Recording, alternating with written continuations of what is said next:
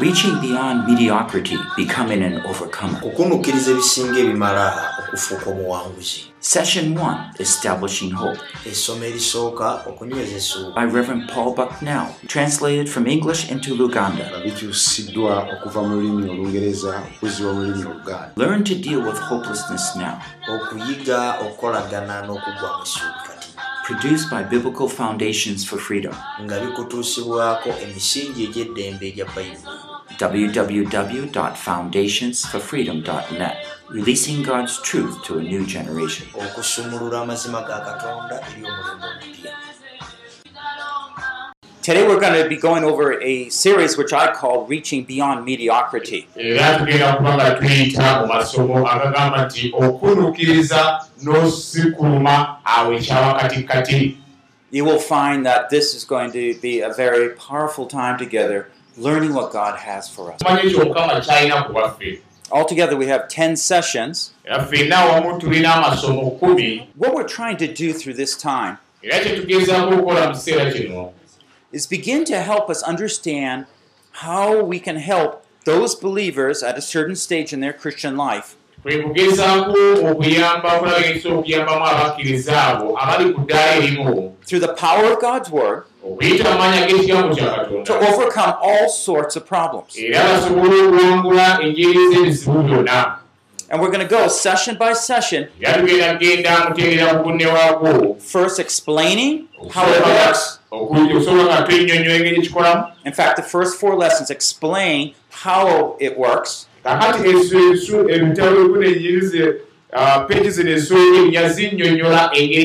okukolamu Lessons five to nine are going to be actual practical ways, uh, like we can overcome anger or anxiety. Or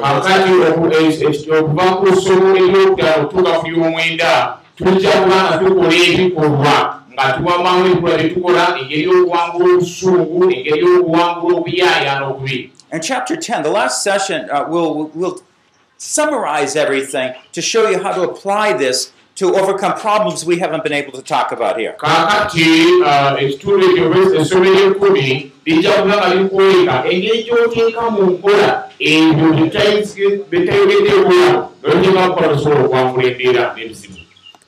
It is so important for us to be able to understand the clear way God has taught us so that we can actually have that faith and confidence in God, in His Word, to live those lives that bring glory to Him.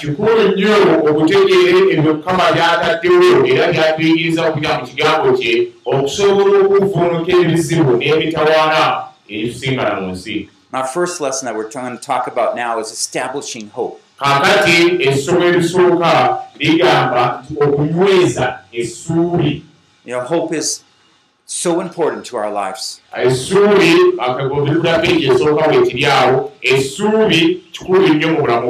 A lot of believers in their own Christian lives have actually given up hope.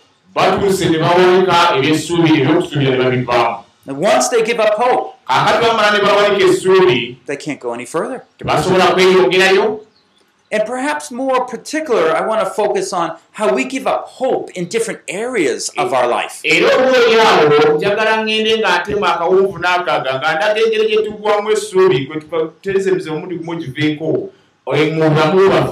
let me give an example. Say there's 10 areas, and of course, God's not thinking that way, but say there's 10 areas a believer must grow eh,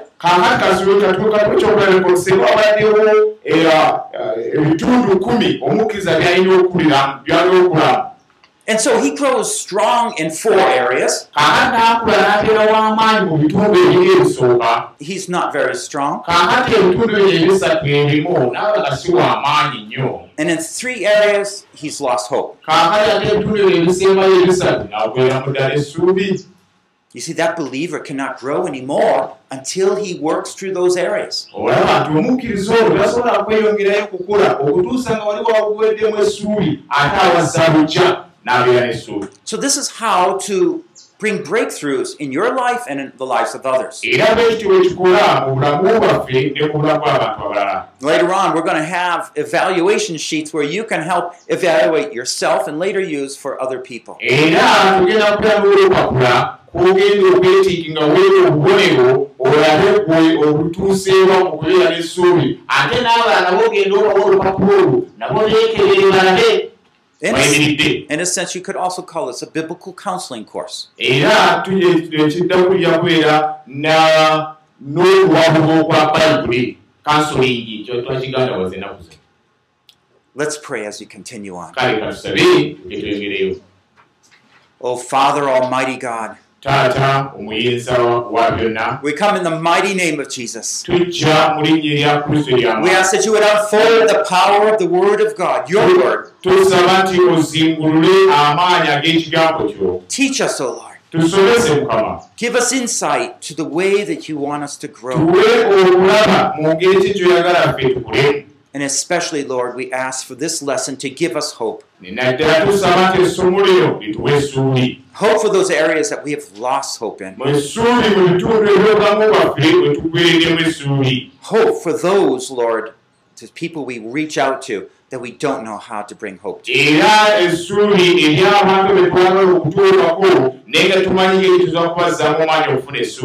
Now bless and teach us, we ask. In Christ's name we pray. Amen. amiina Well, I'd like to go on, um, and if you have your handouts, some of the uh, we're looking at the first lesson. You might want to open up to that. I want to first address some of the issues we're trying to address in this book. Era ngenda kusooka njogere ku bitundu ebyo oba ku nsonga ezo zetugenda okwogerako munda mu katabo. For example, sometimes we, even as pastors, right, we get into a certain place where we want to grow, but we don't know how to grow next. ebuluusi naffe abasumba ogenda n'otuuka wootuse n'olya ngaomutima gwolewanjagala okwogerako okukula naye nga tomanyi ngeri gyogenda kwengerayo okula Or say you have some assistants in the church and you want to train them further, obaolyawo ng'olina abantu abayambi abakuyambako mu kanisa ng'oyagala okwogera obukugu obulala these lessons will help a lot. And understand. akati amasomo gano gagenda kuyamba okuyamba abantu abo More particular, sometimes we go through difficult spiritual times. We just don't know how to get out of it. I'm going to show you how. Kati ngenda kulaba engeri gyosobola okusomokawoawo nga ovaamu weyongerayo And, and it's not going to take a witch doctor. era Uh, a wi- witch doctor. It's not. You don't need a witch doctor. okufumulirwa kubafumulabuzi You don't need to pay some counselor so much money. And I find in five to ten minutes, God can help us.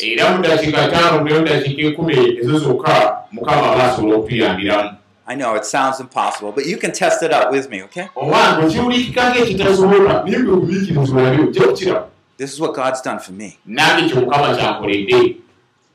Maybe you want to personally disciple others. You don't know how to think about discipleship. This will help. oyinza okuba waliwo abantu abalala byagala okufuula abayigirizwa naye nga tomanyi ngeri yakukikolako kino kigenda kuyamba And another one is how to use God's word to actually empower our lives. I want to touch on that issue. ate era engeri gy'oyinza okwesaamu ekigambo kya katonda newezza bujja n'oddamu amaanyi ensonga engenda kugyogerako Now, spiritual life begins when God takes His Spirit with His Word and faith and brings a new life. The Lord takes His Spirit, the Holy Spirit, with His Word, the Word of God, and gives us new life. kaakati obulamu obw'omwoyo butandikira wali mukama waddira n'akwata ekigambo kye awamu n'omwoyo omutukuvu n'abiteeka mu bulamu bwaffe obulamu obw'omwoyo butandikira If you're not born again, you don't have spiritual life. kaakati bw'obanga tonaba kuzaalibwa gwakubiri tolina bulamu bwa mwoyo Now, I know you know that. Those who attend church don't necessarily know God.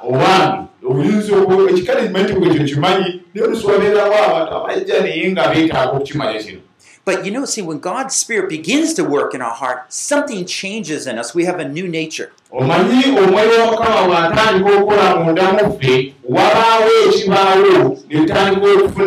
Obupya That's the new creation, and that gives us a desire to be like God.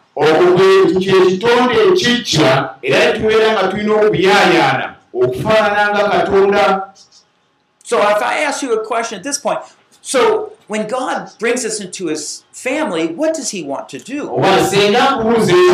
Nti mukama bw'atuleeta mu famire ye mu nnyumba ye kiki kyaba ayagala okukola gye tuli When we plant a mango seed, we want mangoes. owange bwe tusimba omuti gw'omuyembe tuba kigendero kyaffe tuba twagalako emiyembe egyengedde You plant potato, you want potato. oyagala okukola mumonde God plants spiritual seed. What does he want? owange katonda yasiga ensiga ez'omwoyo ekigendererwa kiki era kikyayagala. You know, sometimes we're so busy telling people how to come to know the Lord.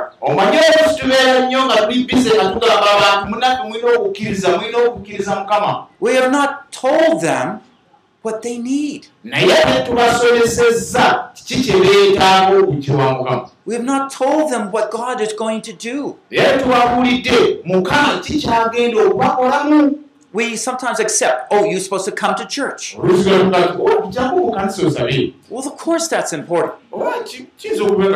But I honestly think we're missing out because people can come to church but with a wrong heart.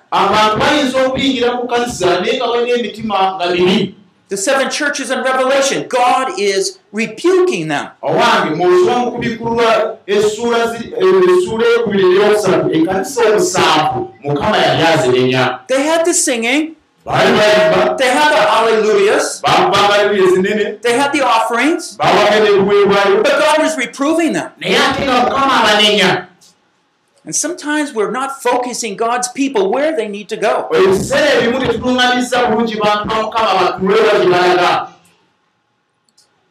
And God is working deeper. And when we touch base with what He's trying to do, it begins to change everything.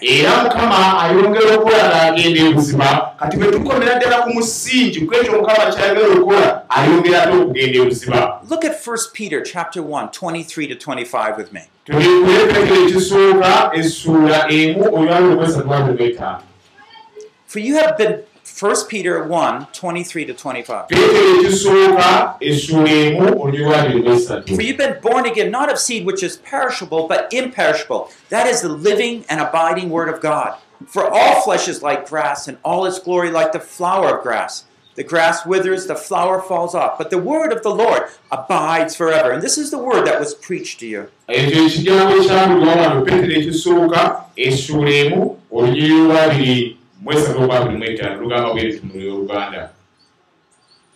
bwe mwazaalibwa omulundi ogwokubiri sinansigo eggwawo wabula etaggwawo n'ekigambo ekya katonda ekiramu ekyoluberera kubanga omubiri gwonna gulinga omuddo n'ekitiibwa kyagwo kyonna kiringa ekimuli ekyo- eky'omuddo.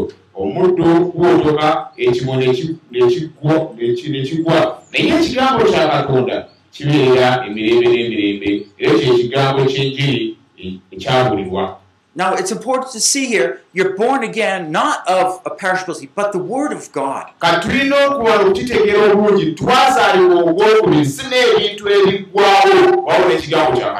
And it makes sense that when the Word of God is what brings us into this new life, it's the Word of God that sustains and helps us grow.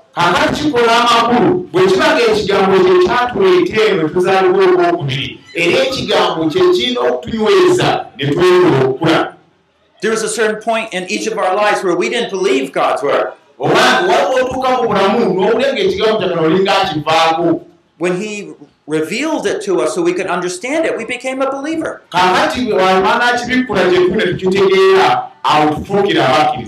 But that's just the beginning. He wants to unfold many truths to tuli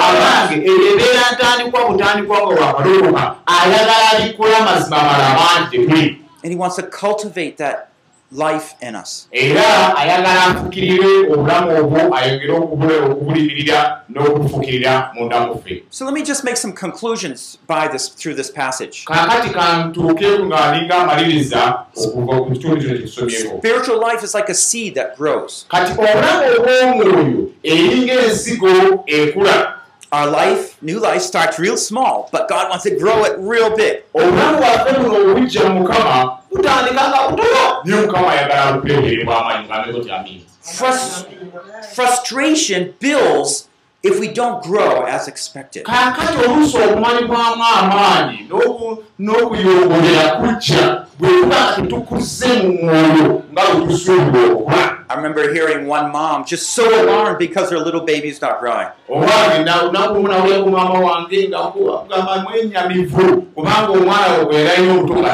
What am I going to do? What gonna... she, she thinks of every way to get that baby growing.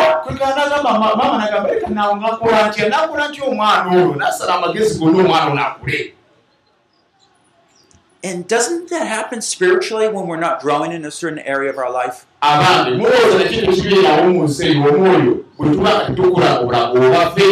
At least it does initially. We, we are frustrated. We're trying to grow. kaakati ekyo kibaawo naddala bwe tumalibwamu amaanyi nga tugezaako okukula ogezaako oyagala okule mu mwoyo naye ate nga tuweyo naye obulamu But if we don't grow for a while, then all of a sudden that's where we give up hope. Oh,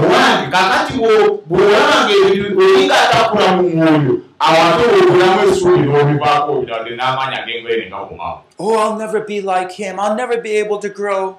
Sigenda kukula sigenda kubeera nga gundi sigenda kubeera nga mugundi I think 90% maybe of our congregation members oba oliawo ebitundutundu kyenda ku kikumi ebyabakkiriza are probably like this. obaolya bali bwe batyo bwe bali bwe balowooza. They want to grow, but they've just given up hope in certain areas of their life. baagala okukula naye banawe baatuuka ne ba- ne batomera ne bakolera awo ne baviiramu awo. And as long as we don't lead them past that point as pastors and leaders, then they're just going to stay there. kaakati fe abakulembeze bwe tuba nga tusobola kusukka ekigere ekimu kitegeeza ne bali betukulembera tebagenda kusukka waawo So God's purpose, plant the seed, grow the fruit. kaakati ekigendererwa kya katonda yasiga ensiga ey'omwoyo ate ayagala ekulebala ebibala The Holy Spirit takes the truth of God and brings it real to us. kati omwoyo omutukuvu akwata amazima g'ekigambo kya katonda agenda gye tuli It says in 1 Peter, the Word of God is living and abiding. bayibuli yogedde mu petero ekisooka ekigambo kya katonda kiramu kikola Just think when God takes the truth and He puts it in your mind. Kakati lowooza nga mukama akutta amazima ago n'agateeka mu birowoozo. Is it living? Is it is it shaping you? owulira nga amazima ago galina engeri gye gaku- gye ga- gye gakuluŋŋamyamu gye gakuyamba okutereeza Or do you pick up God's Word, oba kyokola okwata ekigambo kya mukama you look read, read it? I don't understand. It doesn't mean anything. And you close it. Kambikeko sibitegedde bino What happened? kyekibaawo Living and abiding? Is it a living and abiding word? From 1 Peter. ekigambo kya katonda kiramu era kikozi kibeera Is it sharper than a two-edged sword? But not always, is it? Or at least it doesn't seem that way to us. And this is where the problems come in. Because if we can't learn how to overcome that issue, then it begins to conquer and destroy our hope.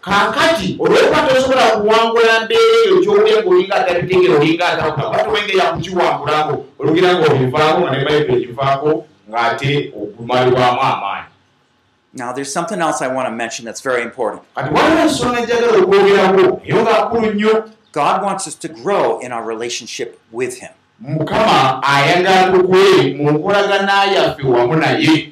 Now, again, part of the problem is what? That we are trying to get people to come to know the Lord,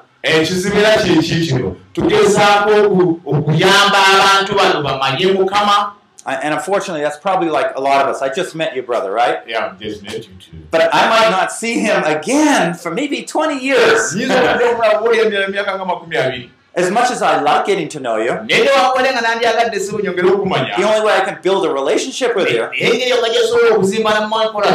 I come over his house. He comes over my house. Then we start sharing things.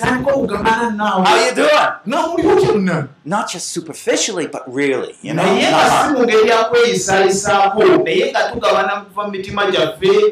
You know, I'm going through a struggle right now. Can- I don't know if you've done that before, but could you pray for me? That's what God wants to happen between Him and us.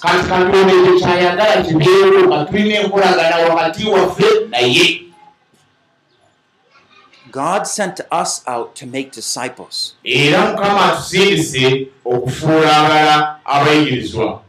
He sent us out to make those people to grow in His relationship with Him.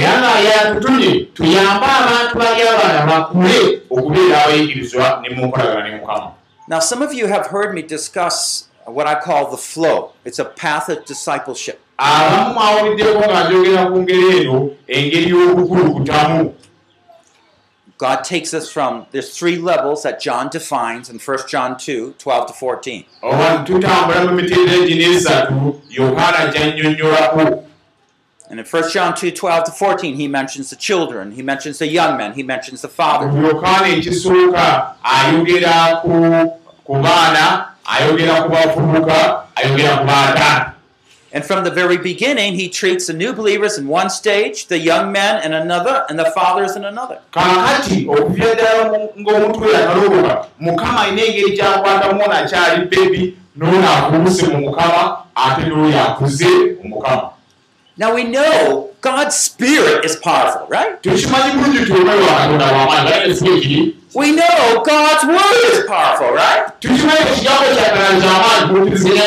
So why are the believers so dead?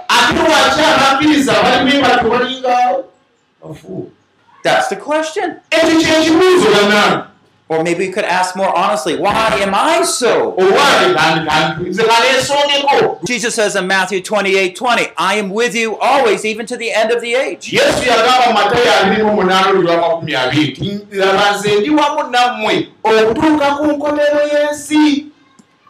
I want you to understand when the wind blows strong, njagala ntukimanya buluganda nti omuyaga bwe gubeera ogw'amaanyi ne gufuuwa. If you're riding a bicycle, nga nawe oli ku kagaali ng'ate ovu- ovuga. if the wind's behind you, you can just go really quick. kaakati bw'okuba ng'omuyaga okuvaako eno emabega nawe bw'ovuga akagaali munawe oserengeta buserengesi n'ogera n'obwokuba endobo If it's going against you, it's so difficult. naye bwe bukuva mu maaso ate nga gwe gy'ogenda ebintu bibeera bizibu I grew up in the northeast of uh, United States, in Boston, near the coast. yakulira mu kibuga ekitundu ekyo ekyebuvanjuba ekyebayita boston And I used to ride many miles on that bicycle. omukulu ono ng'avuga akagaali n'akavuga emisinde n'ayita mu mayiro nyingi nnyo But sometimes, because of the coast, the winds would change. And it was so difficult. Olwo- olw'okuba nti bali kumpi n'ennyanja oluusi omuyaga gwakyukanga kale ne gumukuba mu maaso nga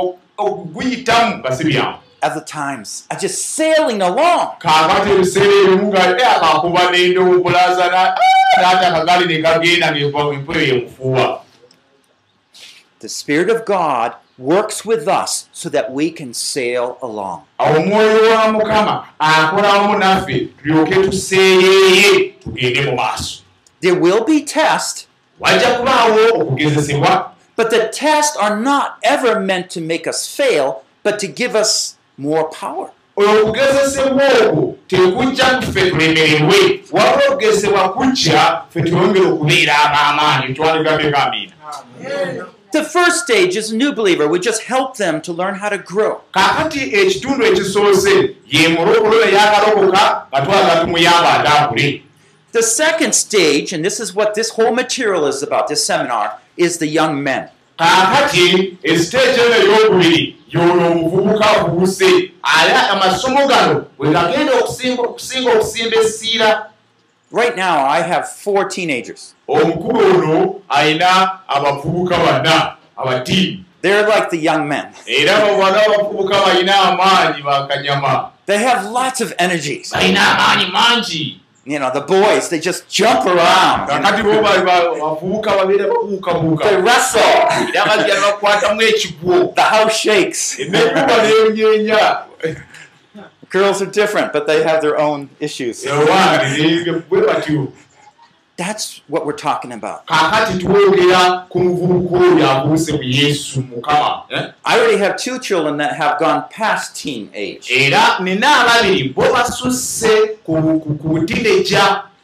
And I have two that have not reached there yet.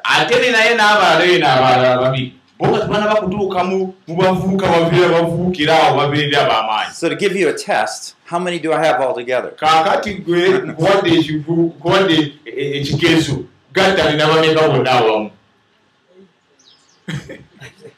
Eight, yeah, four in the teen, two after, two pre.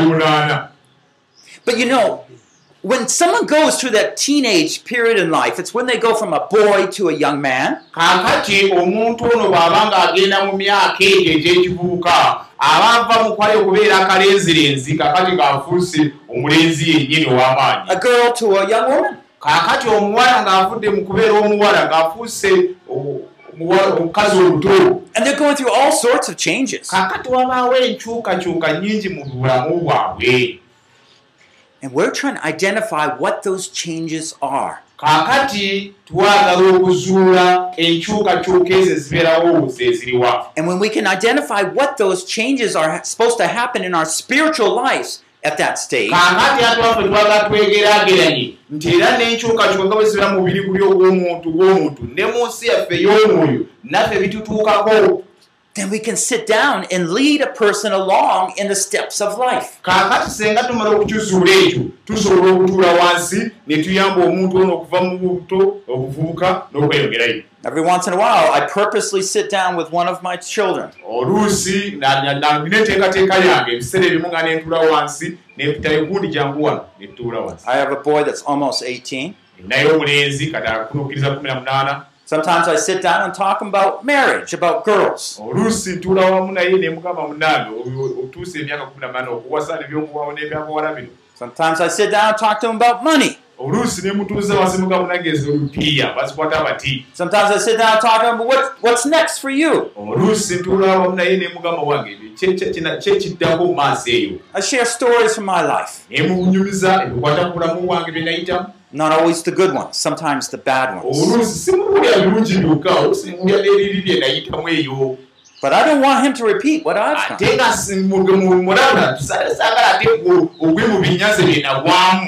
I, I use a phrase in English that I want to put him like head on my shoulders, like he has a head start.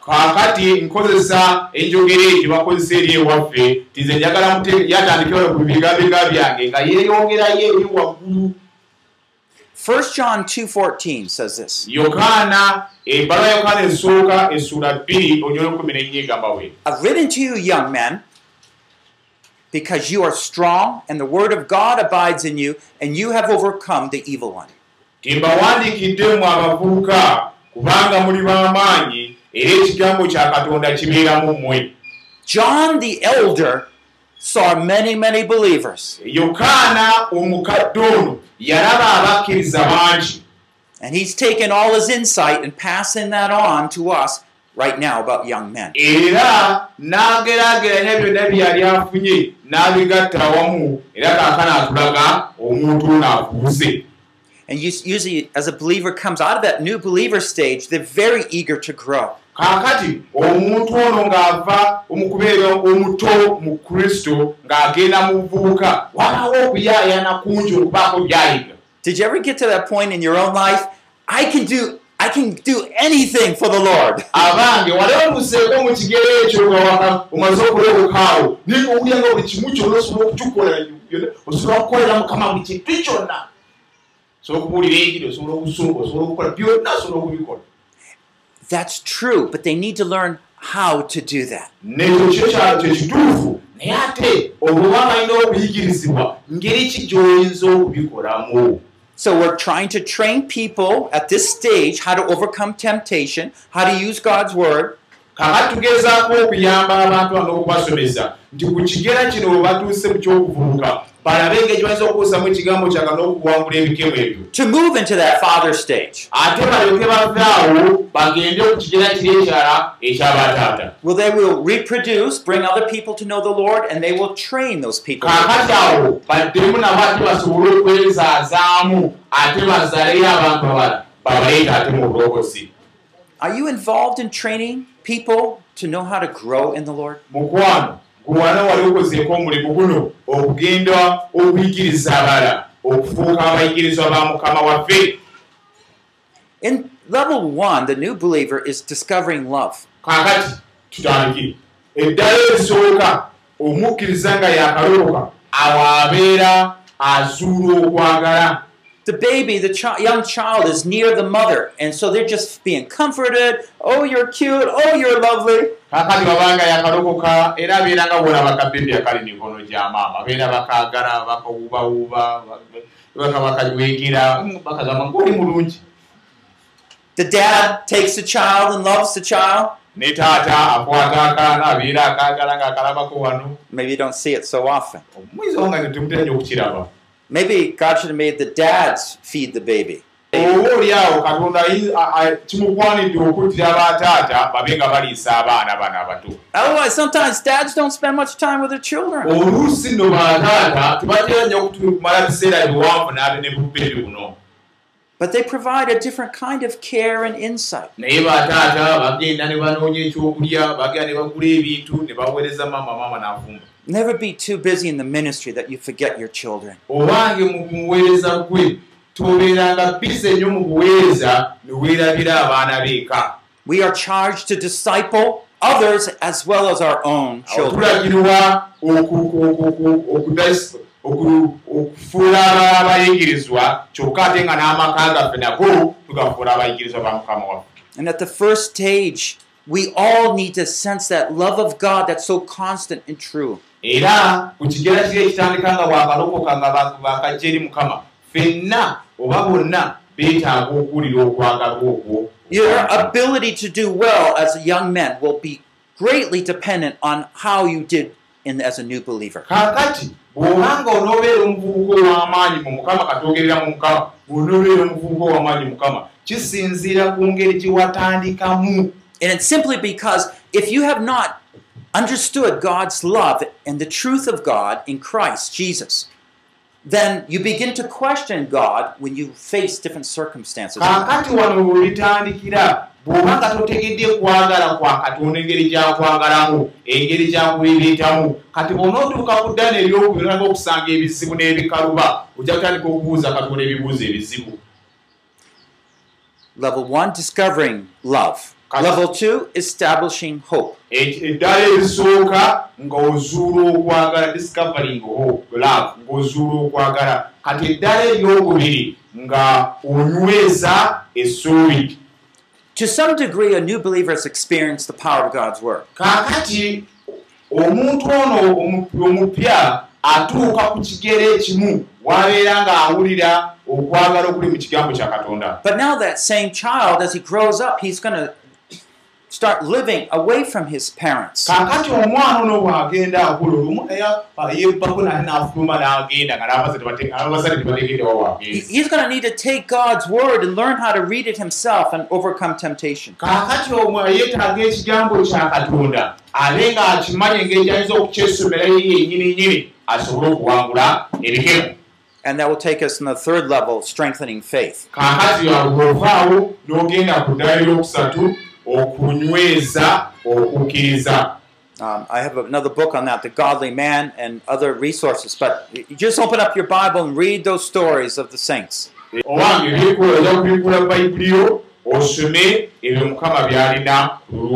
See, each of us is on a journey, and God means that journey to grow.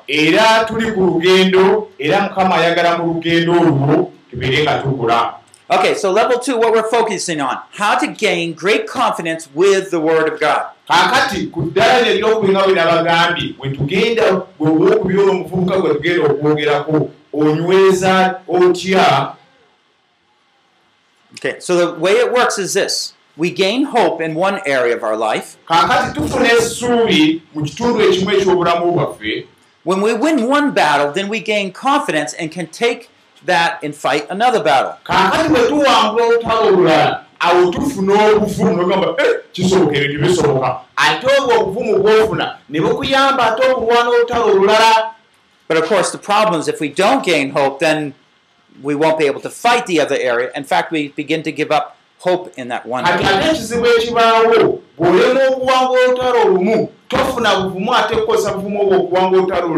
Olutalo olulala kyokola otandika ogenda ng'obivaamu ogenda owanika So we win one area, gain confidence. Go another area, we win, we gain confidence, and we keep going. kakati ogenda mu kitundu bulamu mu kugeresebwa obumu n'olutalo lumu n'oluwangula n'ofuna obuvumu ate bw'ogenda mu lutalo lwonna n'oluwangula n'oyongerako obuvumu n'oluwangula olutalo olulala weyongere okubeera omuvumu ow'amaanyi So God wants us to be strong in our confidence, and we see victory after victory. Kaakati ye mukama ayagala tubeere b'amaanyi mu buvumu bwaffe nga buli kiseera tufuna obuwanguzi obumu okugenda mu buwanguzi obulala Now, I want just to point out something, not as a criticism, but just as a pointer. Ah, waliwo kyenjagala okwogerako si nga akologota naye era nga alina kyatunulira okyekenneenya Sometimes you have people say, We have the victory in Christ. Ogenda oli abantu bagamba tulina obuwanguzi mu kristo You say it louder, We have the victory in Christ. abainamu mwogere n'amaanyi tulina obuwanguzi mu kristo Again, we have the victory in Christ. bali mwogere namwe tulina obuwanguzi mu kristo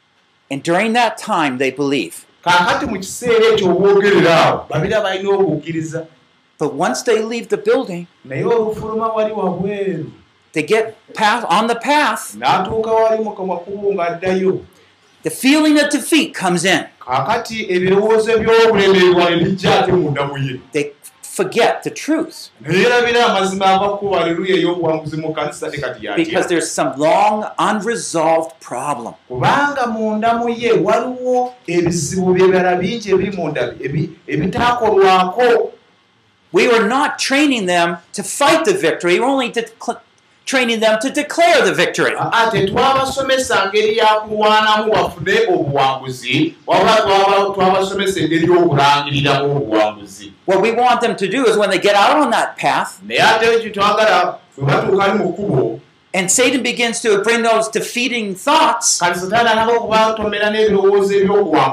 right there they begin to be alert to those thoughts. Think about God's word. And go forth in victory. Go forth, go in victory.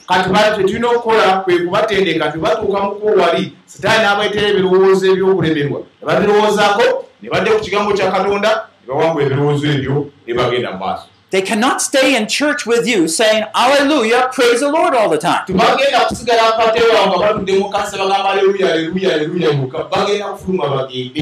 They're stepping out into the world with lots of hostility.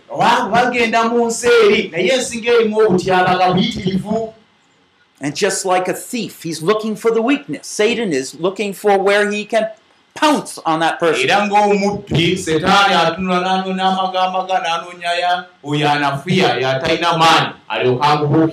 Now, isn't it true? Even when we're in their ministry, we preach a powerful sermon on Sunday. But that pride comes in on Monday.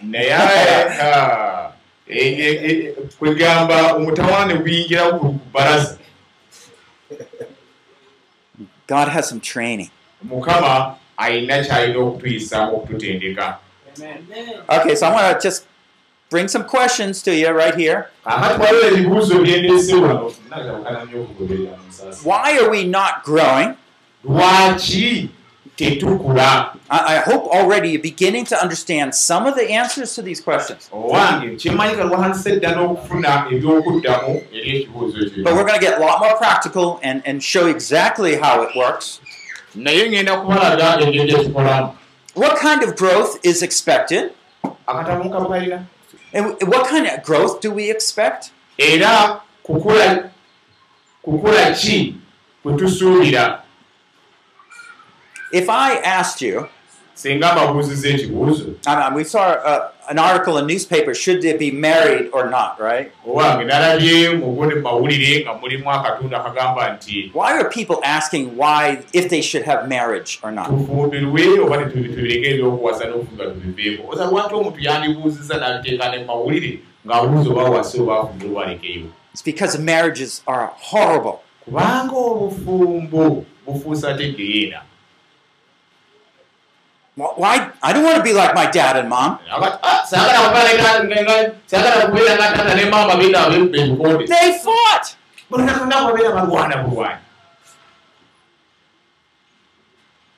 Aren't we expected to grow above that? kwekyo I mean, what, what, is, what does God want to do in our lives, in our marriages, in our families, in our churches? Ne mu buweereza bwaffe Well, how can I grow more? nsobola ntya okukula n'ensukkawaawo Or how can I use what God gives me to help others? oba kiki mukama kyayinza okunkolamu n'akimpanze ate ngenda enyamba abali mu mbeera ezifaanako bwe zityo We will be focusing mostly on this level two, but it doesn't exclude level one and level three to some degree. kaakati mwanga wadde mugoberera tugenda kussa nnyo essiira ku kukula kuno eddaala eryokubiri aba mu muvubuka abuuse mu mukama. Naye oli omuto n'ono omukulu awo taata tetugenda kubavaako naye ng'essiira tuli kwono owokubiri wanawo remember, the young man is to be a temporary stage in the spiritual life of every era jjukira nti okubeera omuvubuka era kya kiseera buseera naye katwogera mu mwoyo mu mukama I would say, well, how long is a person from a boy to a young uh, to a man? You know, is it like four years maybe? owa mulowooza okumule- omuntu ono omulenzi okuva mu kubeera omulenzi bamuyite omusajja omuto kitwala bbanga kiringa emyaka enaawo atambulayo emyaka enaawo kati awo I- spiritually looking at things, I, I would say it's about two and a half years. It can, it should be. Nandirowoozezza nti oli yandibadde mu bbanga eryekivubuka emyaka ng'ebiri n'ekitundu You know, kyokka the young child is maybe six months. oba oliawo naye beddi okubeera ka beddi nga kakyali kato kibanga emyezi nga mukaaga So, I mean, if we're looking at that father stage, we should be there from three to five years. They should already enter that stage and stay there the rest of their life. kaakati omuntu ono yandibadde okutuuka mu ddala ly'abaataata kyandiba kimutwalidde emyaka ng'etaano gyokka ng'atuuse wanoona ng'ayise okubeera omuto kubeera omuvubuka kati ng'ali ku ddala ly'abaataata ataaleera ensaidi eyo aleme okuvaayo andike n'okuleeta abalala And as long as he moves from victory to victory, things can progress very quickly. kaakati omuntu ono bw'aba ng'asobola okuva mu buwanguzi obumu n'afuna obuwanguzi obulala asobola okuwanguwa okuva ku ddaali ery'ekivubuka mu muwunjo ekitugamba kati And this is where we need to personally be near people when they're going through a down stage to encourage them to how to handle that. era wano twetagire ennyo okubeera okumpi n'abantu naddala bw'aba ng'ayita mu biwonvu ng'ayita mu biseera ebizibu tusobole okumuyamba mangu avunuke mangu asobole okugenda ate mu kiti kiri ekirala So, what's supposed to happen in this second stage? Let's think about it again. waayo otandise okukirowoozaako ki ekigenda mu maaso ku- siteegi eno ey'okubiri ey'okivubuka We'll just round it off. Let's say three years, I'm supposed to go from here to here. Kale katulowooze nti emyaka esatu wandivudde wano n'otuuka wano I'm supposed to learn the power of God's word and the way it applies to my life. era nandi- nandi- nandibadde namaze dda okuyiga amaanyi g'ekigambo kya katonda n'engeri okukiteekamu mu nkola I'm to use the word of God and fighting my spiritual battles so I can grow. era nga nsobola okukozesa ekigambo kya katonda okulwana entalo zange ez'omwoyo ndyoke nsobole okula That's all. So he learns how to overcome temptation. ebikemo And that opens up the door of his constant communion with God.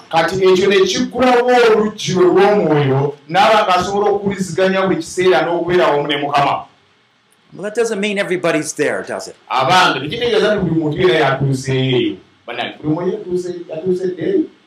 Uh, one missionary came up to me last year. I was in Kenya.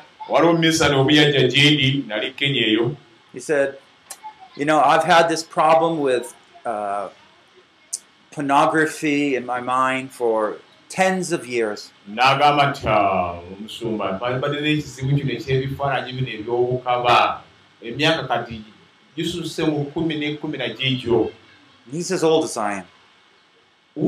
Musajja mukulu wali myaka gya bukadde All these years he'd been serving God. But Satan has had a thorn in his heart. Victory in some areas, but failure in others.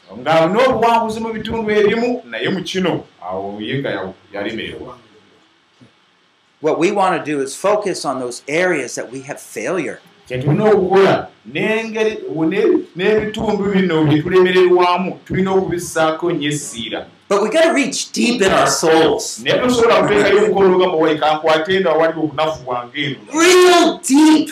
eri munda kanteekeyo engalo Because when we lose hope, we bury it as far as we can. kubanga bwe tumala tugwamu essuubi awo ebyo tuweddemu essuubi nti bibyo bituwangudde ebitulemye tubiziika waleeri ebibikako nettaka But God wants to bring hope in that area. naye mukama ayagala ete essuubi naawe byowanikira edda abi- oteekemu essuubi I know it will be terrible when you take it up. Before I come home, I was cleaning some pipes. I said, I don't want to do this. I was talking to my son. I, I bring my sons to work with me so they learn how to do it. When they learn to do it, then I don't need to do it. But no water was going down the pipe. naye nga tewali mazzi gayitamu And I put it off for years. I didn't want to do it. But my wife says, that sink is still waiting. kwegamba abadde amaze emyaka mingi nga tayagala kuzibukula tayagala kubizibukula naye nga yomukyala we ekiseera gamba wayi newola olinda newola olinda emyaka esatu era bibiwa lumu olizibukula lirinda gwe And that water was even worse because water was coming into the sink from another pipe. ate akala ng'ate embeera n'ebeera mbi nnyo ng'ate amazzi gava ate mu payipu endala ate ne gakikeeno mu sinki Dirty.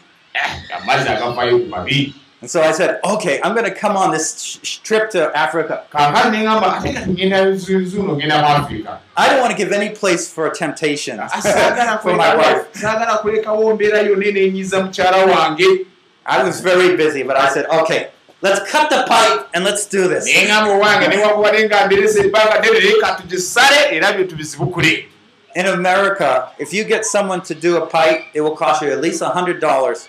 owange eri mu amerika bw'ofuna omuntu ajja kuzibukulira epayipu newebira entono ekikumi kya dola gyebitwalo nga abiri mu esatu kigwa I don't have that money. era saagala kuzisaasanya bwetyo I get the pipe, I cut it, and, naye ngikwata ne ŋŋamba kati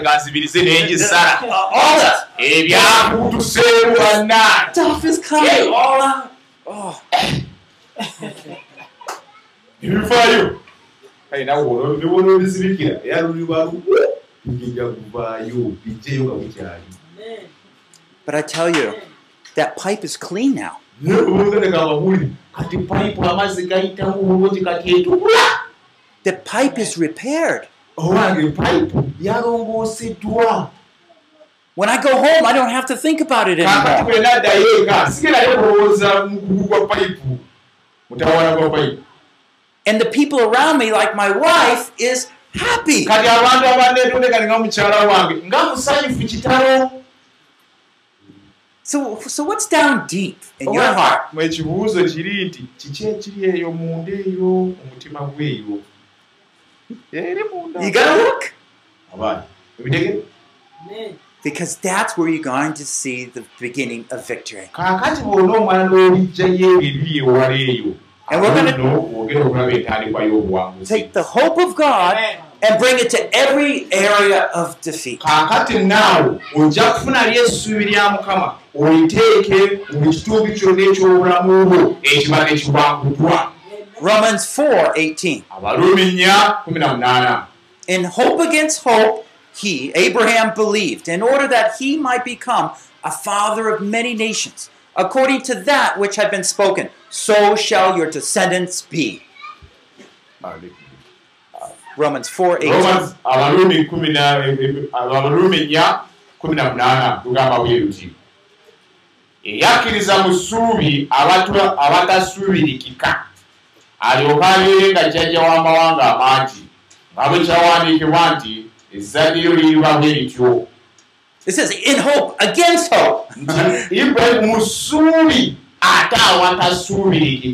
That's like impossible. Even if it's impossible, but I'm still going to hope. era newankubadde nga tebisoboka tebiyinzika naye era n'afuna amaanyi n'afuna essuubi nti binaakola Maybe you know someone in the congregation that you just given up hope. You don't know how to deal with them. You just put them over there. owange oyinza okuba nga waliwo n'abantu abamu mu kibiina eyo boolina naye nga tumanyi nga eyakoleka ti wayi oyo gundi namuvaako yaraba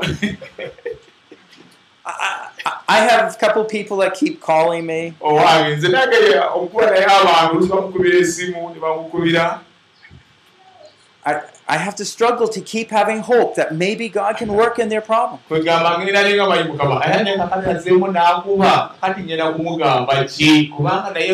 N'omusuma enyini awulira nga takyalina na ssuubi nti mukama agenda kuyamba ebizibu by'abantu abo But see, God gave Abraham a hope that he would have his children naye katonda yawa ibulayimu essuubi nti ajja kuba n'abaana to bring a blessing to the world. ate era abaana bafuuke omukisa eri ensi And it's at that point when he said, Okay, I don't know how, but I believe you. Nga yali atuuse mu kigera kiri oba bwe kutuuka mu kigera wali wogamba mukama simayo bigenda kukola simayo gye bigenda kuva simayo binaabeera naye kukkiriza And at that point, God said, Yes. And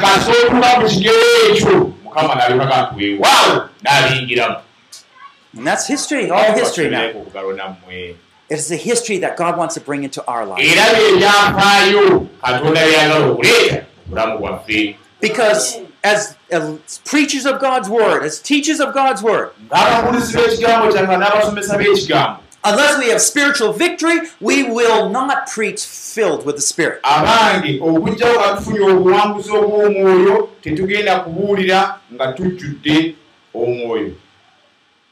Another passage, Romans 8 24 to 25. abaluumi munaana abiri mu nnya twaka abiri mu etaano Romans 8 24 to 25.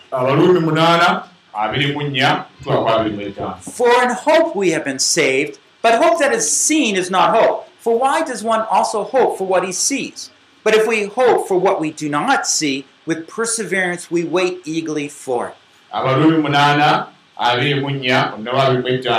kubanga twalokoka lwa kusuubira naye naye okusuubirwa okulabika si kusuubirwa kubanga ani asuubira kyalaba naye bwe tusuubira kye tutalabako tukirindirira n'okugumiikiriza You see, most of us say, well, if you heal me, then I believe.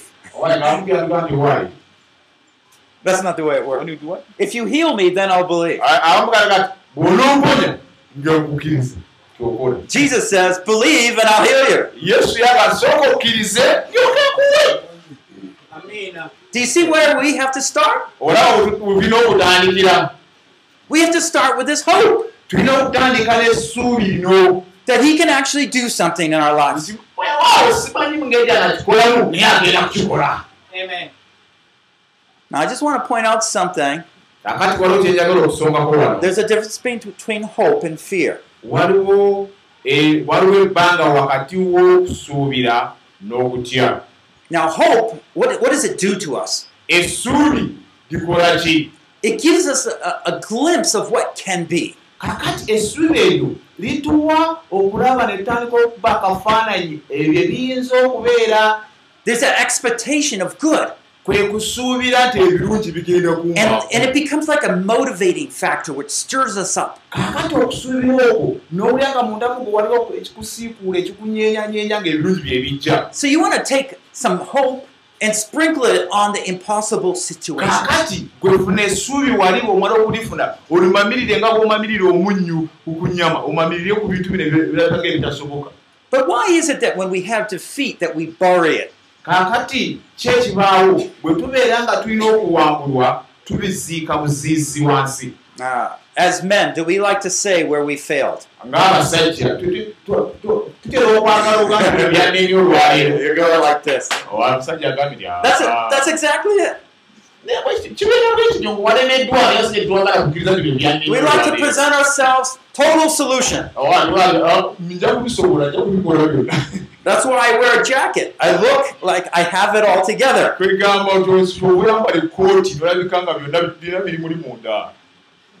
But if my dress looked like my heart, naye ennyambala yange singa efaanana omutima gwange maybe I would just be walking around in underwear. I would want to hide. You see, fear has an expectation of evil.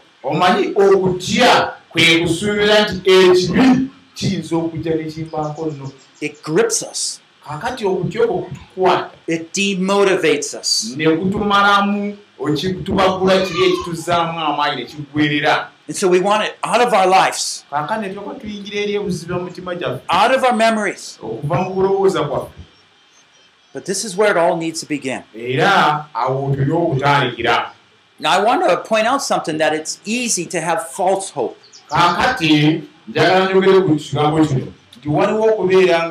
Kyangu okubeera n'essuubi ery'obulimba 1 Timothy 6:17. timiseewo ekisooka essula mukaaga oyole ku n'omusanvu 1 Timothy 6:17 talks about false hope. timiseewo ekisooka essula mukaaga oyole ku n'omusanvu ayogera ku ssuubi ery'obulimba Instruct those who are rich in this present world not to be conceited or to fix their hope on the uncertainty of riches, but on God who richly supplies us with all things to enjoy. 1 Timothy 6:17. timiseewo ekisooka timiseewo ekisooka essula mukaaga oyole ku n'omusanvu okuutirenga abagagga ab'omu mirembe gya kaakano obuteegulumizanga newankubadde okwesiga obugagga obutali bwa lubeerera wabula katonda atuwa byonna olw'obugagga tulyoke tusanyukirenga ebyo Now, what is God doing here? He's telling us if you have things, don't rely on them. Now, the problem is this. If we have things, that's a problem. But if we don't have things, we're trying to be like those people that have things. Why? Lwaki So we can rely on them.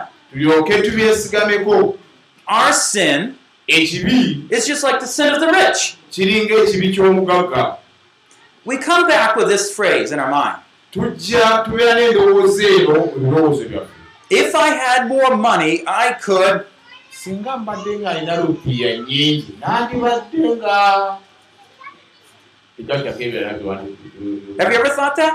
olwekirowoozezaako ekyo If I had more money, I could. singa mbadde ne sente nyingi mazima nandibadde nga newona You think about your family needs, nolowooza ku bizibu byekewo think about vehicle, nolowooza ku motoka think about ministry, nolowooza ku buweereza think about the orphans. sena abannamwandu ne bamulekwa God said that's not the solution. mukama agamba ekyo si kyekyokuddamu It's a false hope. Don't think ability to look well or to carry out good organization is the solution. tolowooza nti okuba n'ekizimbe ekirungi oba okuteekateeka obulungi kyekyokuddamu eyebyo byolaba ebiri mu maaso go He's just saying it's a danger. agamba nti ako katyabaga kanene nnyo And it is. ate era bwekityo bwe kiri Because those who have fall away from the Lord more quickly. era kubanga naabo ababirina ane mukama bamuvaako I just came from, in October, I was in Burma and Myanmar. And they were saying, oh, we're so poor. And they are. The churches don't have their properties. amakanisa tegalina tegalina bintu And they all say, you know, if we had more money, we could buy property and have a building and more people to come. era abasomali bagamba muzungu basenga tubalene lupiya twandiguza ettaka twane tuzimba wano n'abantu bangi bandibadde balokoose ne bajja ne beegatta ku kanisa But I tell them, no, no, it doesn't work that way. naye bagamba bannange si bwe bikola bwe bityo Are you ready for the temptation that comes with the money? owange muli beetegefu okuyi- okuyimirira n'ebikemu ebyo ebijja ng'ofunye lupiya No, of course they're not. Eh, In fact, if they looked at it right, right now, God is protecting their country from the influence of the West. era kaakano mukama akuuma ensi yaabwe okuva ku influence okuva ku- ku ku kukwatibwako kw'ensi ziri eziva mu bigwaju So right now, you can have the people and they will focus, they will learn. kubanga kaakano oba olina abantu naye abantu bano basobola okussaayo omwoyo era ne bayigirizibwa era ne bayiga Once there are jobs, they're gone. Hmm? Once there are jobs, they're gone. ewa bwe bamala okufuna emirimu nga bafuuka babizi bizibu nga bagenda You won't see them in the evening, you won't see them Sunday.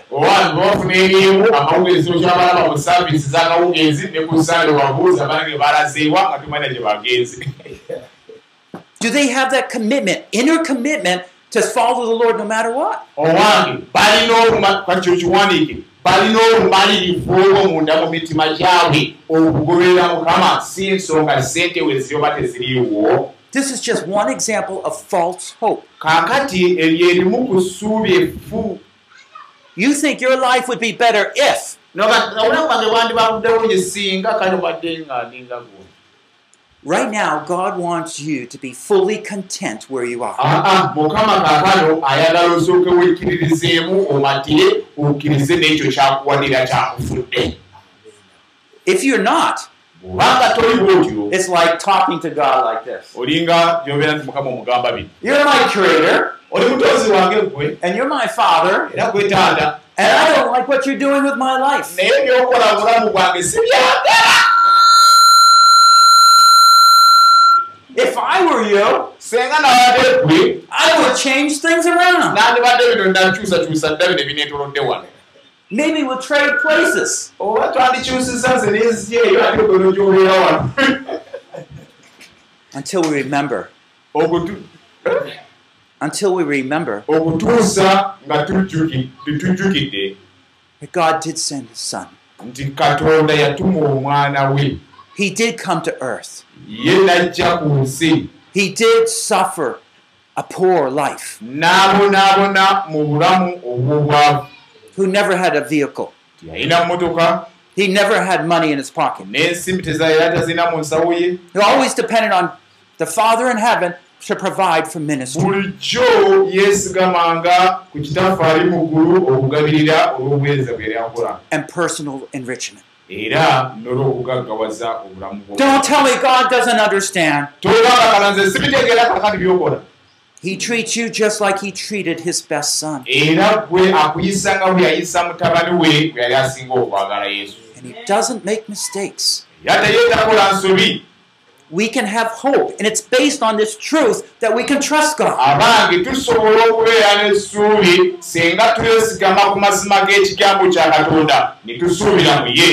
If you can't trust God from, like the new believer, have that security, then you'll always be doubting your situation and how God's treating you. kaakati bw'oba nga tosobola kwesiga katonda ng'okyali omukkiriza oli omuto anoonya okwagala kaakati kitegeeza nti en- obulamu bwonna obusigadde ojja kusigala nga weemulugunya era nga katonda omusookako olugalo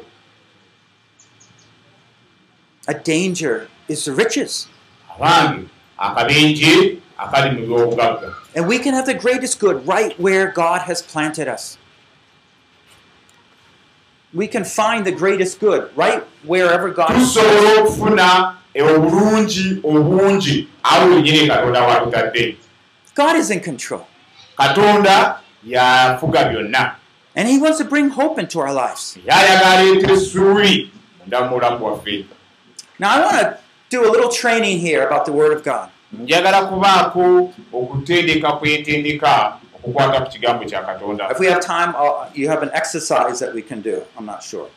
simanyi tuba tulina ebiseera ebimala okukola exercise eyo But if you have the Bible, open up to Psalm 119, bw'oba olina 162. bayibuli bikula zabbuli kikumi kumi na mwenda One, Psalm 119, Psalm 162. Zabbuli kikumi kumi na mwenda olunyiri kikumi nkaaga mu bbiri It says, I rejoice at thy word as one who finds great spoil. olunyiri lwekikumi mu enkaaga mu ebbiri lugambye bwe luti nsanyukira ekigambo kyo njagala ng'alaba omuyiggo omungi Okay, so we're going to look at this psalmist. Katugenda kutunulira ono yawandiika zabbuli eno God inspired him, he wrote this word. era mukama yakwata ku mmeeme ye n'agisiikula n'awandiika ekigambo kino Now, how are we going to get that word into our own hearts? kaakati ekigambo kino tugenda kukijja kitwa mu byawandiikibwa tukiteeke mu mitima gyaffe We have to start thinking about it. tutandika okukirowoozaako He says, I rejoice at your word. agambye nti nsanyukira ekigambo kyo Just like I found a great treasure. nti ng'omuntu asanze obugagga obungi What kind of hope did he have? omulowooza ssuubi ki lyali alina Well, this is the question we want to train ourselves. What kind of hope did he have? kino kyekibuuzo kye tulina okwebuuza nga bulijjo nti omuntu ono ssuubi ki lyali alina He hopes what? yali asuubira nti That if he opens up God's word, yabikkula ekigambo kya katonda is he going to find anything? yalowooza nti bwe naabikkula ekigambo nakigenda okusangamu Yes! It's like he's going to find a treasure. kaakati bwe yali ng'akutte bayibuli okugibikkula yamanya nti nina okusanga obugagga muno What do you do when you find a treasure? kaakati gwe bw'osanga ekyobugagga okola otya You're walking along, you see 50,000 shillings. kasinga wali otamba n'osanga emitwalo etaano nga gigudde wali You say, oh, never mind. Or you say, yes, that's good.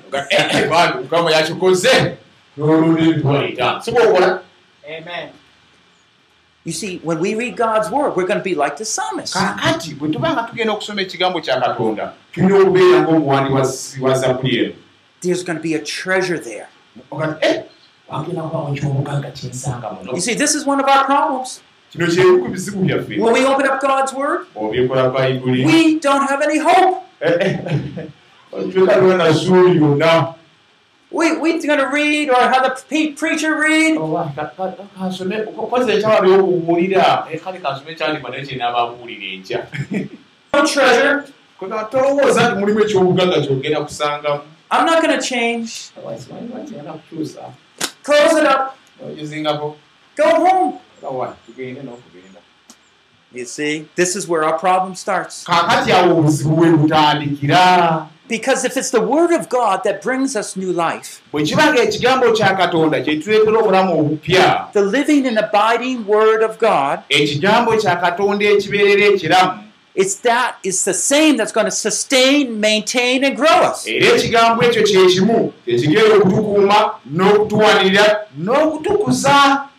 Did you get to look at God's word today at all?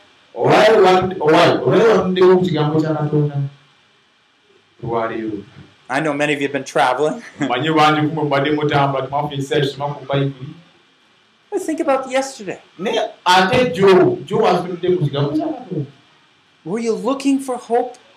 Bwadde ng'okitunulira wakitunudde ng'osuubiramu Do you essuubi think God's able to speak to you? wabadde n'okusuubirawo oti mukama walayo ayinza okubango kyaŋŋamba Hope and faith are like two brothers working together. okusuubira n'okukkiriza balinga abalongo bali kumpimpi awo bakola bonna Now, I know often we say we're the believers, they're the unbelievers. oluusi genda tugamba nti bano bakkiriza bali si bakkiriza bali eri But if we're honest, we're going to look at ourselves and say, hey, I'm the unbeliever. I open up God's word and I don't believe He's going to teach me or can teach me.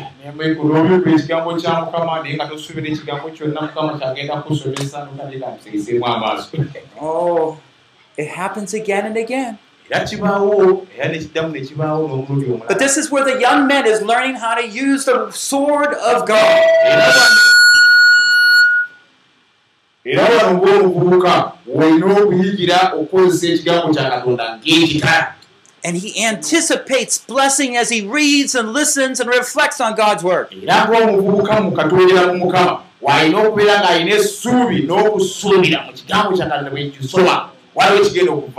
I have a whole nother series on how God taught me this.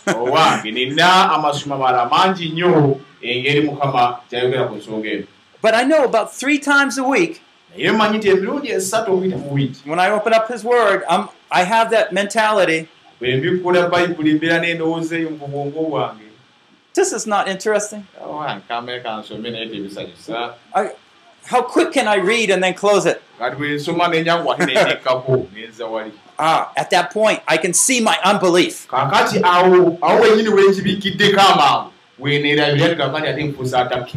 At that point, I can see that I doubt God and I don't really even think I need his blessing. kati mu kiseera kyawo wenyini wenkibikiddeko wenange weneerabira kati katonda mubuusabuusa era sikkiriza nti waliwo n'omukisa gwonna bwagenda So I reach into that pipe of my heart and pull out that gucky stuff. kati neeryoka nzika eri mu mutima gwange eri mu payipu yange eri ey'okubuusabuusa nembijjayo neŋamba ah because I have to confess my heart. You see, real revival is going to begin when we begin to believe in God, a- ability and willingness to speak to our hearts. okudda obujja okwannama ddala kugenda kutandika nga tumaze okukkiriza ekigambo kya katonda munda mu mitima gyaffe And I, me- I believe that God has given us His Word so every believer masters it and is able to use it as a sword. era nzikiriza nti mukama atuwadde ekigambo kye nti buli mukkiriza yenna akimatire akibeeremu asobole okukikozesa Sometimes, even as pastors, we pick up the sword and we're so sloppy, we drop it on the ground. oluusi ebiseremu naawe ng'abasumba ogenda n'okwako ekitala mu kifo ky'okukikola n'okisuula nga n'amaanyi tegakyalimu God wants to do wonderful things through His Word. abange katonda ayagala okukola ebintu ebyewunyisa okuyita mu kigambo kye Let me give another example. How about Proverbs 2 4 to 5? Ah, engero Proverbs 2, engero essuula bbiri verses 4 to 5. onyulwa amakumi ana mu etaano engero bbiri enyiri ana mu ttaano He says, If you seek her as silver and search for her as for hidden treasures, then you will discern the fear of the Lord and discover knowledge of God. Proverbs 2 4 to 5. ok engero bbiri onywa olwokuna n'olwokutaano amusori mu nsonyeko olwokuna n'olwokutaano bw'onooganonyanga nga feeza n'ogekennenyanga ng'ebyobugagga obwakwekebwa kale lwolitegeera okutya mukama n'ovumbula okumanya katonda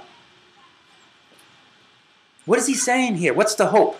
agambye atya wano essuubi lye liriwo wano What's the promise? ekisuubizo kigambye kitya That if we can seek for God and for his wisdom as silver, singa tuyinza okunoonya katonda ne tunoonya amagezi ge ng'omuntu bw'anoonya feeza and then he will give us the wisdom and knowledge of God. awo nagenda kutuwa amagezi n'okumanya katonda Now, what do we do with the problems that we don't have answers to?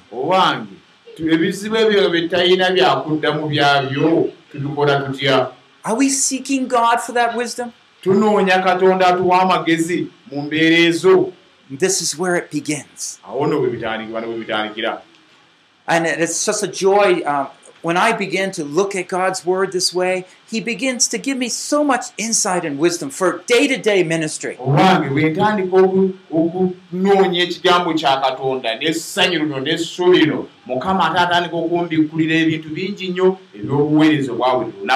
Uh, this morning, I, I read from Exodus 32. If I have time later, I'm going to share some things I was learning today. olwaleero nawe nasomye nenfuna okubikkulwa kungi bwe nafuna akaseera gye bujjako oba oliawo njagabana nammwe ensonga gye nasomyeko I was preparing for lots of messages today. era mmane nteekateeka obubaka bungi nnyo olwaleero But I said, no, I need to read God's word. neŋŋamba naye era newakubadde n'okusoma ekigambo kya mukama I need Him to teach me. nange njagala ye mukama ansomese nze And I could preach two hours on that. era nsobola okuwulira kumpi essaawa endala bbiri ku ekyo kyansomeseza From a short time with God in His word. ate nga n'amaze akaseera katono ne mukama mu kigambo kye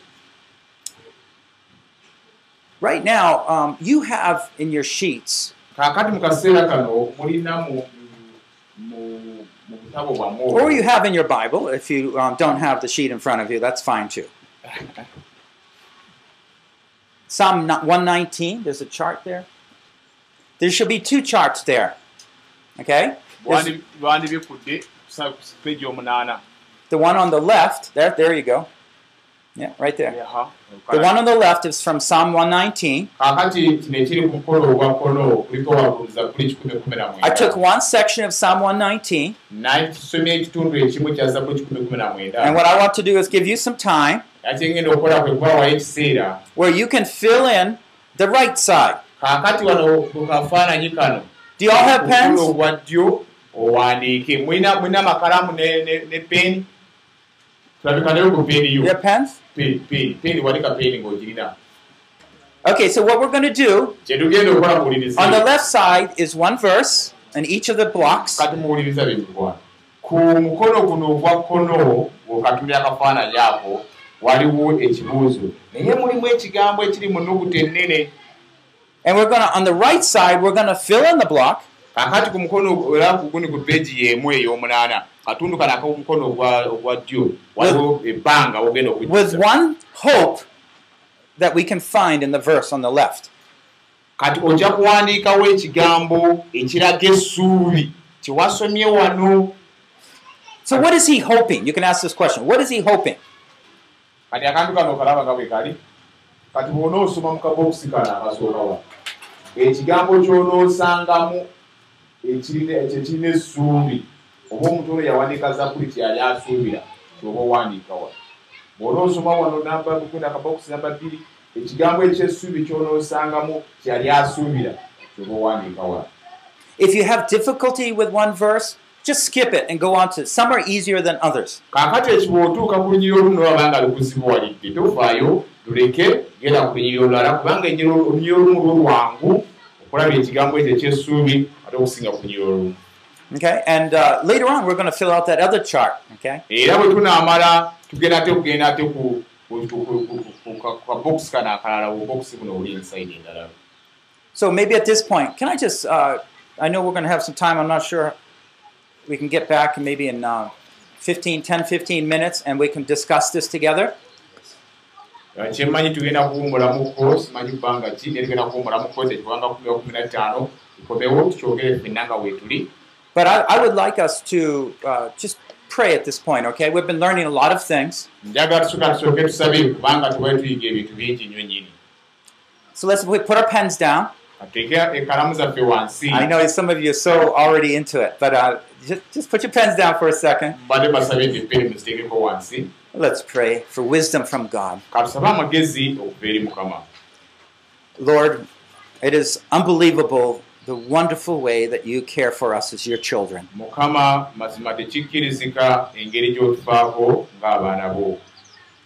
Would you please help us, Lord, to grow? We want to grow to the fullness of Christ. Tutuuke ku kigera ekya kristo We want nothing, nothing to block us from the fullness of Christ living in us. tetwagala kintu kyonna kiyinza kutukugira okutuuka ku bukulu obujjuvu obuli mu kristo There are some things we have been hiding in our lives, waliwo ebintu birwe tukwese munda mu mitima gyaffe but we want to take them out right now. era ne kaakano twagala okubiggyayo And we want you to forgive us. era tusaba nti otusonyiwe We want you to sprinkle your hope upon these areas.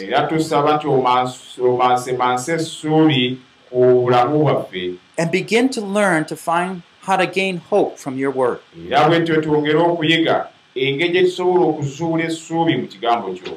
Oh Lord, we thank you for taking us on this journey.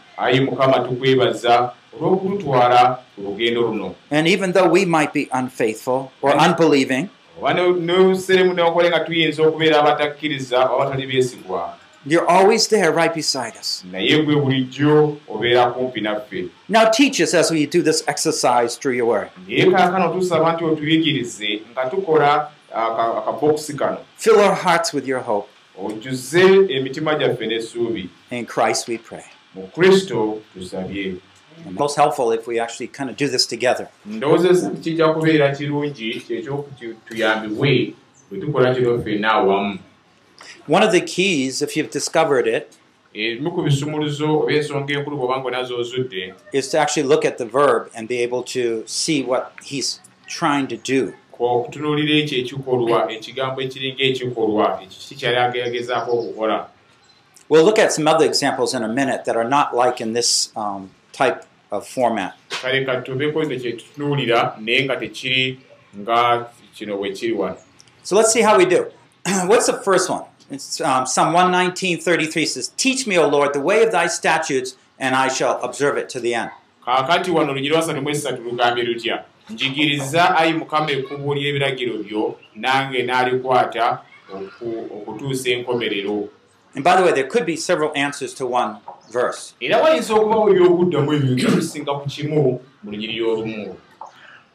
So I'm, I'm just going to be asking you, okay? So you can just volunteer and speak loudly, and he'll interpret. ok balinyaku namwe nja kubabuuza mwogere nnyo ki kyowandiisa awo ate noono oluganda nvunule Okay, verse 33.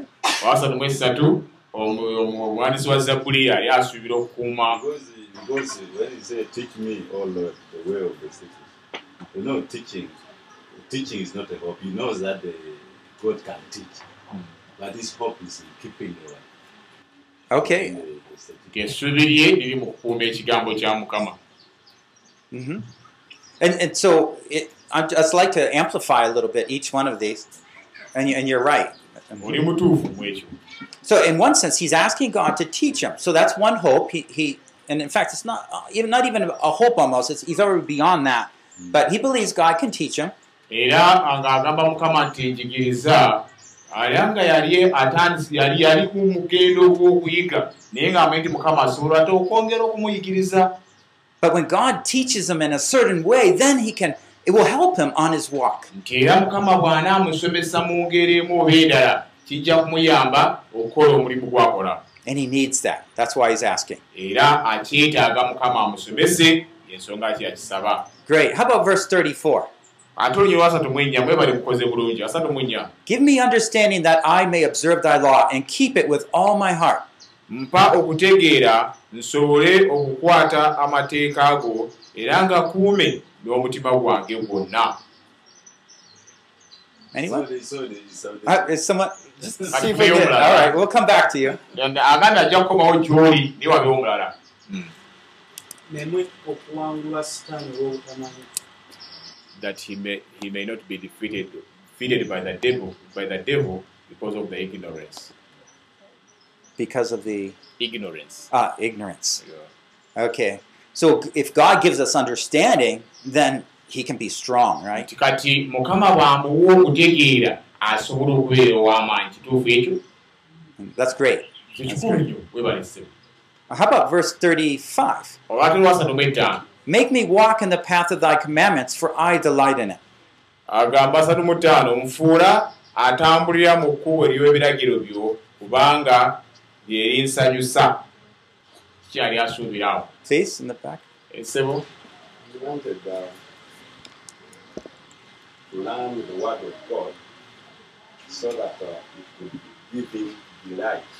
Okay. tiyayagala okuyiga ekigambo kya katonda alyoke akifunemu essanyu Yeah. You know, so if he could obey, right, God's word, era ng'agamba nti singa nsobola okugondera ekigambo kya mukama and he was asking God to help him to walk, to obey God's word. era ng'amugamba mukama nkusaba onyambe nkigondere And he's just, he knows if he obeyed God's word, then he would just be doing so much better. era ng'amanyi nti bw'amala n'agondera ekigambo kya katonda ajja kukola bulungi okusingawo Good.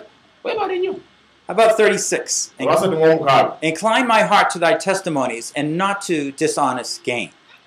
Wuliza omutima gwange eri obujulizi bwo so si eri amagoba g'obulimba wuliza omutima gwange eri obujulizi bwo so si eri amagoba g'obulimba Okay. Faithful. So he's hoping to be faithful. I'm just trying to understand what that means. But he's hoping, if I put it in my words, he's hoping that God can cause his heart to want more of God's word. nti yali ayagala katonda nti mukama asobola okumuleetera omutima gwe okuleetera omutima gw'omuwandiisi wa zabbuli okuba nga gu- gukwatagana era nga guyaayana okutambula muli mu makubo ga mukama Did you ever get in a time when you didn't really feel like praying?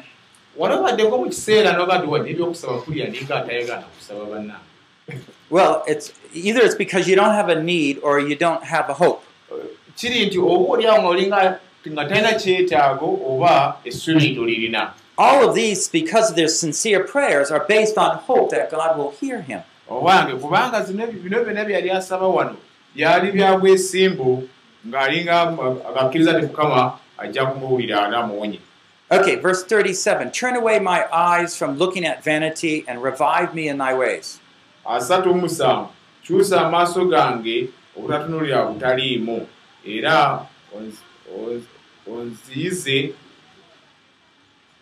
onzize bulijjo mu kkubo lyo. Onzize bujja mu kkubo lyo. Kyali ategeeza? Yes, please.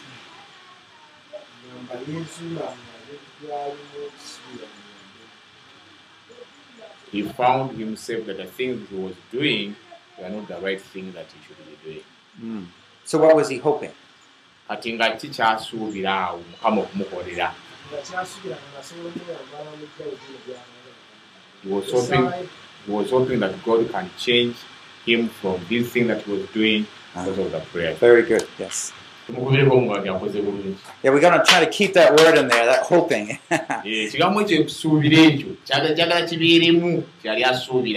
Eh, we just have a few more. Establish thy word, tw- 38. Establish thy word to thy servant as that which produces reverence for thee.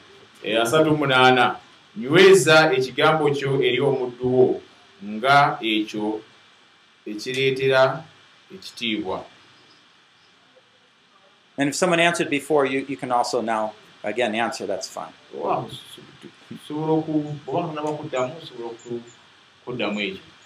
sobola oku- oba nga bakuddamu osobola oku- kuddamu ekyo yabanga omuwandiisi wa zabbuli ono i see that the psalmist ya- ya- ya- yalaba nga ekigambo kya katonda kyokka tekiyinza oku- ekigambo- bw'anywerera mu kigambo kya katonda tekiyinza okuleetera ekitiibwa he saw that when he is established in the word of god it's the only the word of god that can bring him to glory Okay, good, good. Um, to glory, to, uh, uh, is that the word it uses? Glory? Not fear. okay Reverence for thee. Here, Uh, so- the, here they, want- they use the Different translation. Okay, I won't get into it. All right. Yeah, so um, he hopes that God can bring him deeper in his word. yasuubira nti mukama asobola okumutwala ebuziba mu kigambo kyono ekigambo ekiri wano kyebakozesezza mu luzungu kiri reference not glory ate mu luganda bavunudde ekitiibwa so ki- reference kwe kuwa omu- kwe kuwa ekitiibwa so ekyoluganda kyebavunudde kyabuzeemu katono okutereera n'ekino ekirimu But I mean, that's just one of the results. But the, the real basic thrust here is wow, God can deepen his word in my life. kyali asuubira nti mukama asobola okutwateeka ebuziba ekigambo kye neneeyongera okutya mukama Well, there's two more. Let's go. Just jump to verse 40, the last one. Anybody want to do that one? Behold, I long for thy precepts. Revive me through thy righteousness. kaakati katubuke tugererwa makumi ana kiraba nkyayaanira ekiragiro kyo njigiriza bulijjo okuyita mu bu- mu butuukirivu The last one, right? Trying to summarize that if, if he has all these hopes above, then he will be righteous. Okay. nti asuubira nti bw'anaaba nga bino byasabye waggulu byonna bimukoleddwa ajja kubeera mu- mutuukirivu Yeah. If, if God would just open up his heart to these things, and he would be revived. era yali asuubira nti mukama senga amala n'amuwa bino byonna byasabye ajja kuba nga aziddwa bujja Now, if you discipline yourself to look into God's word a little deeper, you begin to think and see what he's hoping and have that faith that he has. kakati bweweekolamu omulimu n'oyongera okutumbira ekigambo kya katonda n'obwegendereza n'ogenda obuziba otandika okulaba essuubi eryo n'ebigambo ebyo yawandiika yali ategeeza And it's at this point the heart of the teaching becomes part of our life. Kakati bwe tutuuka ku kigera kino omutima ogw'okusomesa gufuuka ekitundu ku bulamu bwaffe. For example, if we read verse 40, ekyokulabirako singa tusoma onyuma makumi ana. you say, Behold, I long for thy precepts. agamba nti laba njiga amateeka go. All of a sudden, you're asking yourself, bulijjo weebuuza Hold it, do I long desire God's precepts? wanyweze bulijjo ddala ddala mbeerawo n'enjayanira ebiragiro bya mukama Do I have that hope he has? nina essuubi eryo ng'oli bya yawandiika byali alina You might, and you might not. yeeza oyinza okuba nga toli I find that belief just comes and goes in our life, and sometimes we're so distracted we just don't believe it. oluusi ngale ndaba nga waliwo amayengo ng'embeera waliwo okudda waggulu n'okudda wansi mukukkiriza oluusi okukkiriza ne kuvaawo I mean, if I long for something, naye bwe mba nga nakyenjayanira nga mpulira nkyagala nnyo know, I miss my wife right now. She's far away. Ah, my children. Yeah. But if I long for something, maybe uh, if it's the Word of God, before I go to bed, I just think about it a little bit.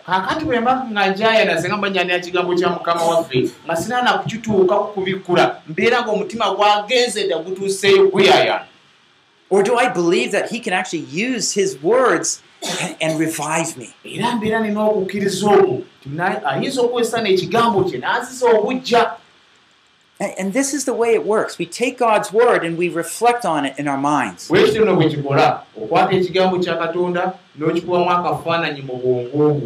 I mean, what if we read verse 37? ondiwasatu mu omusanvu tusomye tutya Turn my eyes away from vanity.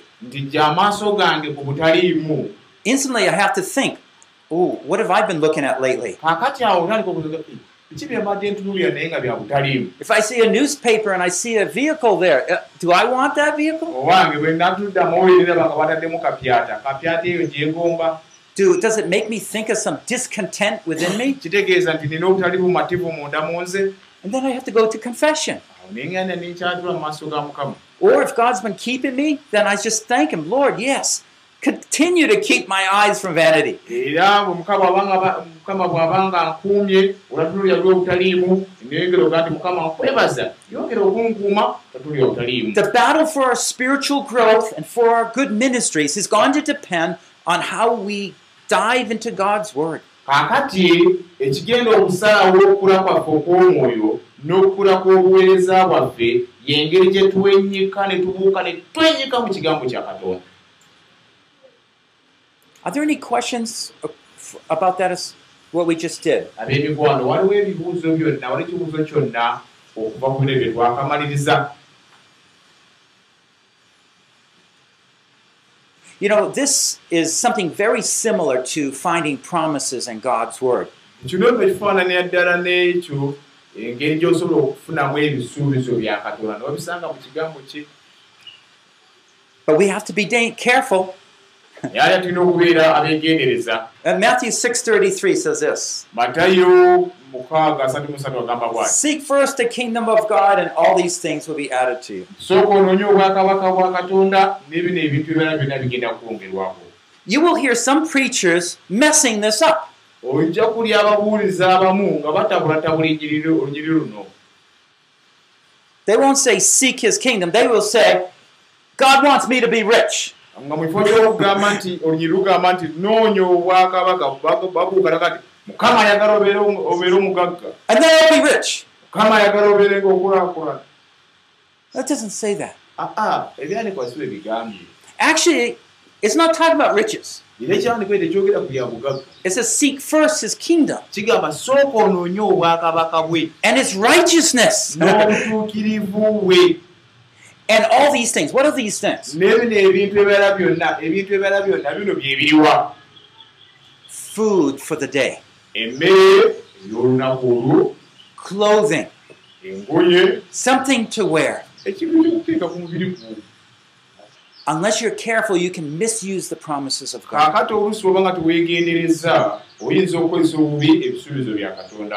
But when you and I can identify a promise like this,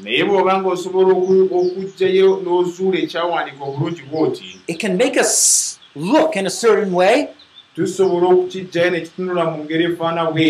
and then begin to bring a certain vision and hope in our life. ne kitandika okuleeta okwolesebwa n'okusuubira mu bulamu bwaffe Are there any other questions or comments? Now, you have a, a chart here, uh, the other one, a self evaluation.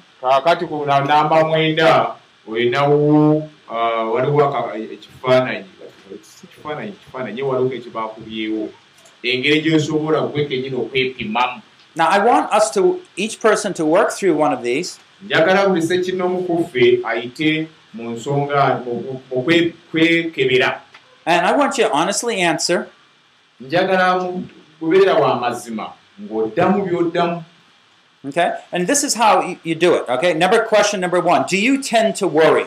kaakati tunula ekyo ekibuuzo ekisooka otera okweraliikirira Okay, there will be two extremes. There will be on one side, not at all, number one, kaakati namba emu egamba tekibangawo ekyo and on the other side, always. I'm always tend to worry about everything. And perhaps you're not always, but often, then you would do circle number five.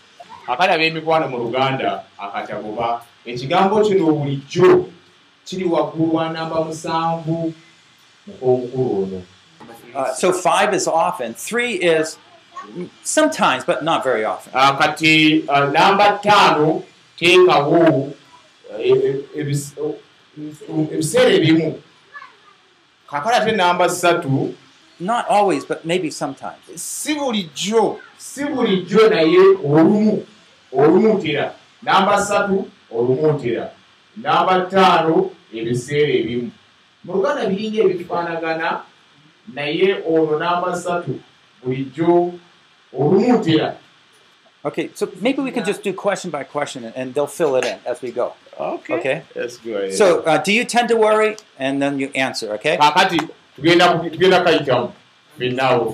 Number two, do you daily meet with God?